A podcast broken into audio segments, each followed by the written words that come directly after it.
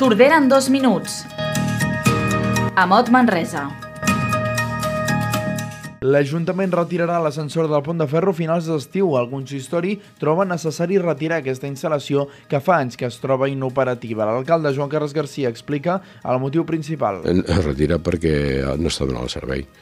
El teníem en marxa i cada mes ens costava 3.000 euros de manteniment perquè cada mes hi havia vandalisme i se'l carregava.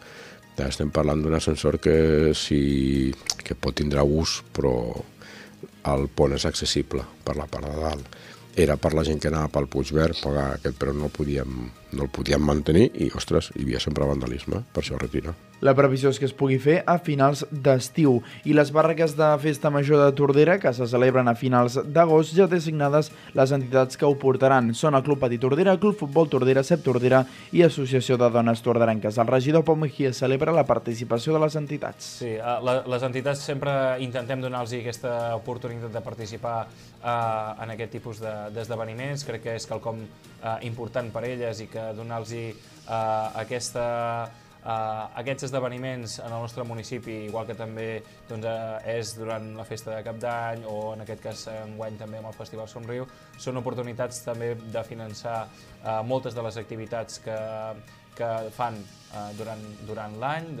De... Des d'ahir dilluns justament, i parlant de festa major, estan a la venda els tiquets del 22è Cercatasques de Tordera enguany. Se celebrarà dissabte 20 d'agost a les 7 de la tarda. Es poden adquirir els tiquets al preu de 12 euros al casal de joves.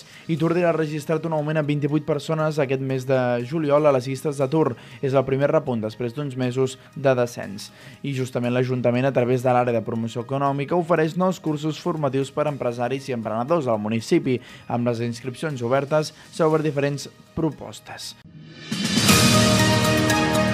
Tordera en dos minuts, un podcast dels serveis informatius de Ràdio Tordera disponible a la web i a les principals plataformes.